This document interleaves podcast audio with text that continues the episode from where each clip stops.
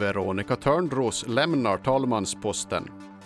Konsortiet vill inte ta emot skadeståndspengar i det här skedet. Nu hoppas landskapsregeringen på en deponilösning. Och elevers mobilanvändande är mer ett problem än en tillgång enligt Ålands Radios enkät. Det här är Ålandsnytt onsdag i studion Rasmus Karlsson. Lagtingets talman Veronica Törnros avgår från sin post, meddelar hon i ett mejl. Med all respekt för de åsikter som Centerns lagtingsgrupp och styrelse framfört vill jag idag informera om att jag den 4 mars, då lagtinget återupptar sitt arbete, kommer att lämna in ansökan om befrielse från uppdraget som talman i Ålands lagting, skriver hon. Detta sker i svallvågorna av elhybridaffären där landskapsregeringen dömts att betala miljonskadestånd för avtalsbrott. Veronica Törnros säger till Ålands Radio att hon behövt tid att tänka och nu haft den tiden. Jag har kommit fram till att det finns en klokskap i det Centerstyrelsen och lagtingsgruppen säger, säger Törnros. Veronica Törnros meddelade i söndags också att hon avgår som ordförande för Åländsk Center. Törnros tillträdde som talman i december 2023 och fungerade som lantråd mellan 2019 och 2023. Törnros vill inte spekulera i vem som blir hennes efterträdare på talmansposten. Konsortiet bestående av Ansgar och Finnferries har meddelat landskapsregeringen att man inte är villig att ta emot utbetalningen av skadeståndssumman före domen från Åbo hovrätt vunnit laga kraft i det så kallade elhybridmålet. Det framkommer i ett protokoll från landskapsregeringens plenum igår tisdag. Landskapsregeringen beslöt därför att anhålla om att deponera pengarna för skadeståndet hos ämbetsverket. Niklas Karlman han är infrastrukturavdelningens biträdande avdelningschef de, de kommer inte att ta emot någonting om inte betalningsskyldigheten har, har vunnit laga kraft. Det är så de, det är så de tycker. Har, den ju, har konsortiet en juridisk möjlighet att göra så här? No, det, det är väl det som vi hoppas få ett slutgiltigt besked på från, från uh, Statens ämbetsverk. Men uh, vi menar att vi, vi har anhållit om att få deponera där och vi, och vi hänvisar till, till lite regelverk kring det där för varför vi anser att, att vi har rätt att, att göra det och att vi, att vi då ska kunna få deponera pengarna där. Men vad betyder det här alltså? Kommer skadeståndet att fortsätta ticka på? Om det går så som det är tänkt och planerat så då är tanken att den dagen som vi deponera så skulle räntan inte fortsätta bygga på längre. Du sa att, att som, det, som det är tänkt, eh, mm. men, men det finns en osäkerhet här. Eh, om jag har förstått saken rätt så ska regionförvaltningsverket, eller Statens ämbetsverk, ska, ska fråga motparten, det vill säga konsortiet och deras ombud, att, att de, om de har någonting emot det här och och där kan de ju anföra orsaker till varför de tycker att det inte ska vara möjligt och, och, och sen har sen har ämbetsverket i, i uppgift att, att bedöma att, att har vi rätt eller har vi inte rätt. Det säger Niklas Karlman, reporter Felicia Bredenberg. Och Ansgars VD Thomas Lindqvist vill inte ge några kommentarer just nu.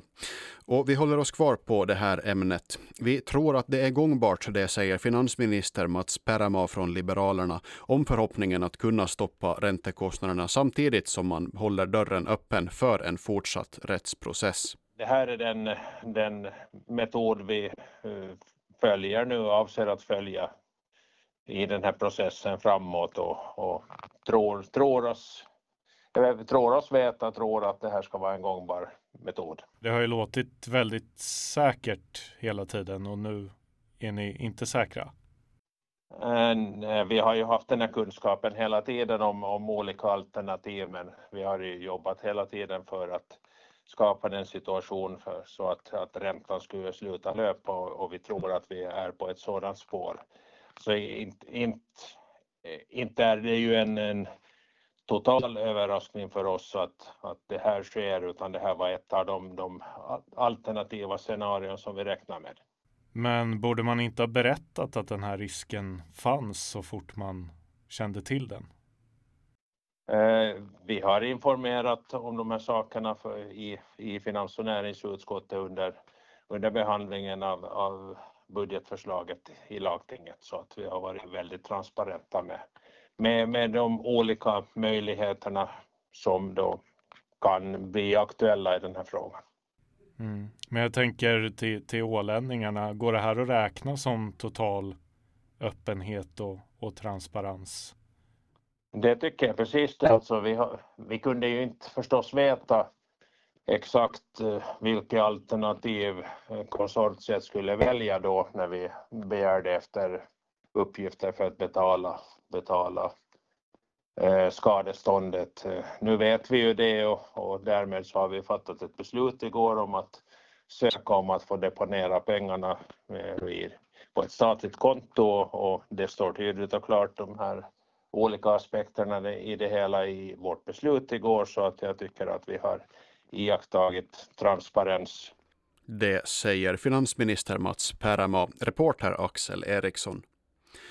Elevernas mobiltelefoner är mer av ett problem än en tillgång då det går, att slå, det går att slå fast efter att 73 lärare för högstadie och gymnasieelever svarat på en enkät som Ålands Radio skickat ut.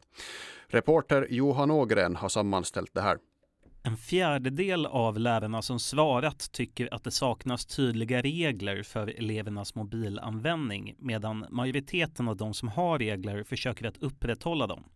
53 av lärarna tycker att elevernas mobilanvändning är ett problem i klassrummet där omkring hälften av dessa anser att problemet är märkbart. Du hör några av enkätsvaren inlästa från Ålands Radios medarbetare. Styr bort fokuset från undervisningen, allmänt frånvarande under lektionstid. Mobiltelefonerna kommer fram lite hela tiden och avbryter deras koncentration. De flesta av lärarna verkar ense om att elevernas koncentrationsförmåga försämrats under en femårsperiod, där mer än hälften tycker att det blivit märkbart sämre. De behöver ständig stimulans och saknar uthållighet i alla lägen. Tycker mig se att det finns tydliga behov av upprepning och förtydligande i allt större utsträckning som följer av bristen på koncentration. Utifrån lärarnas svar framgår det tydligt att elevernas sociala egenskaper påverkats av att de är mer digitala.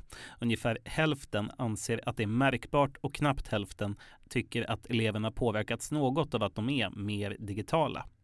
Men att ha telefonen nära till hands för att känna sig mindre ensam är en av de positiva aspekterna som lärarna tar upp i enkäten. Och det finns andra positiva saker som är genomgående i enkätsvaren. Som att mobilen ger en snabb tillgång till information och att det är enkelt för lärarna att få tag i eleverna om det skulle behövas. Men annars anser man generellt att de negativa aspekterna från mobilerna väger tyngre än de positiva. Elevernas mobilanvändning påverkar även 60 procent av de tillfrågade lärarnas personliga motivation till yrket.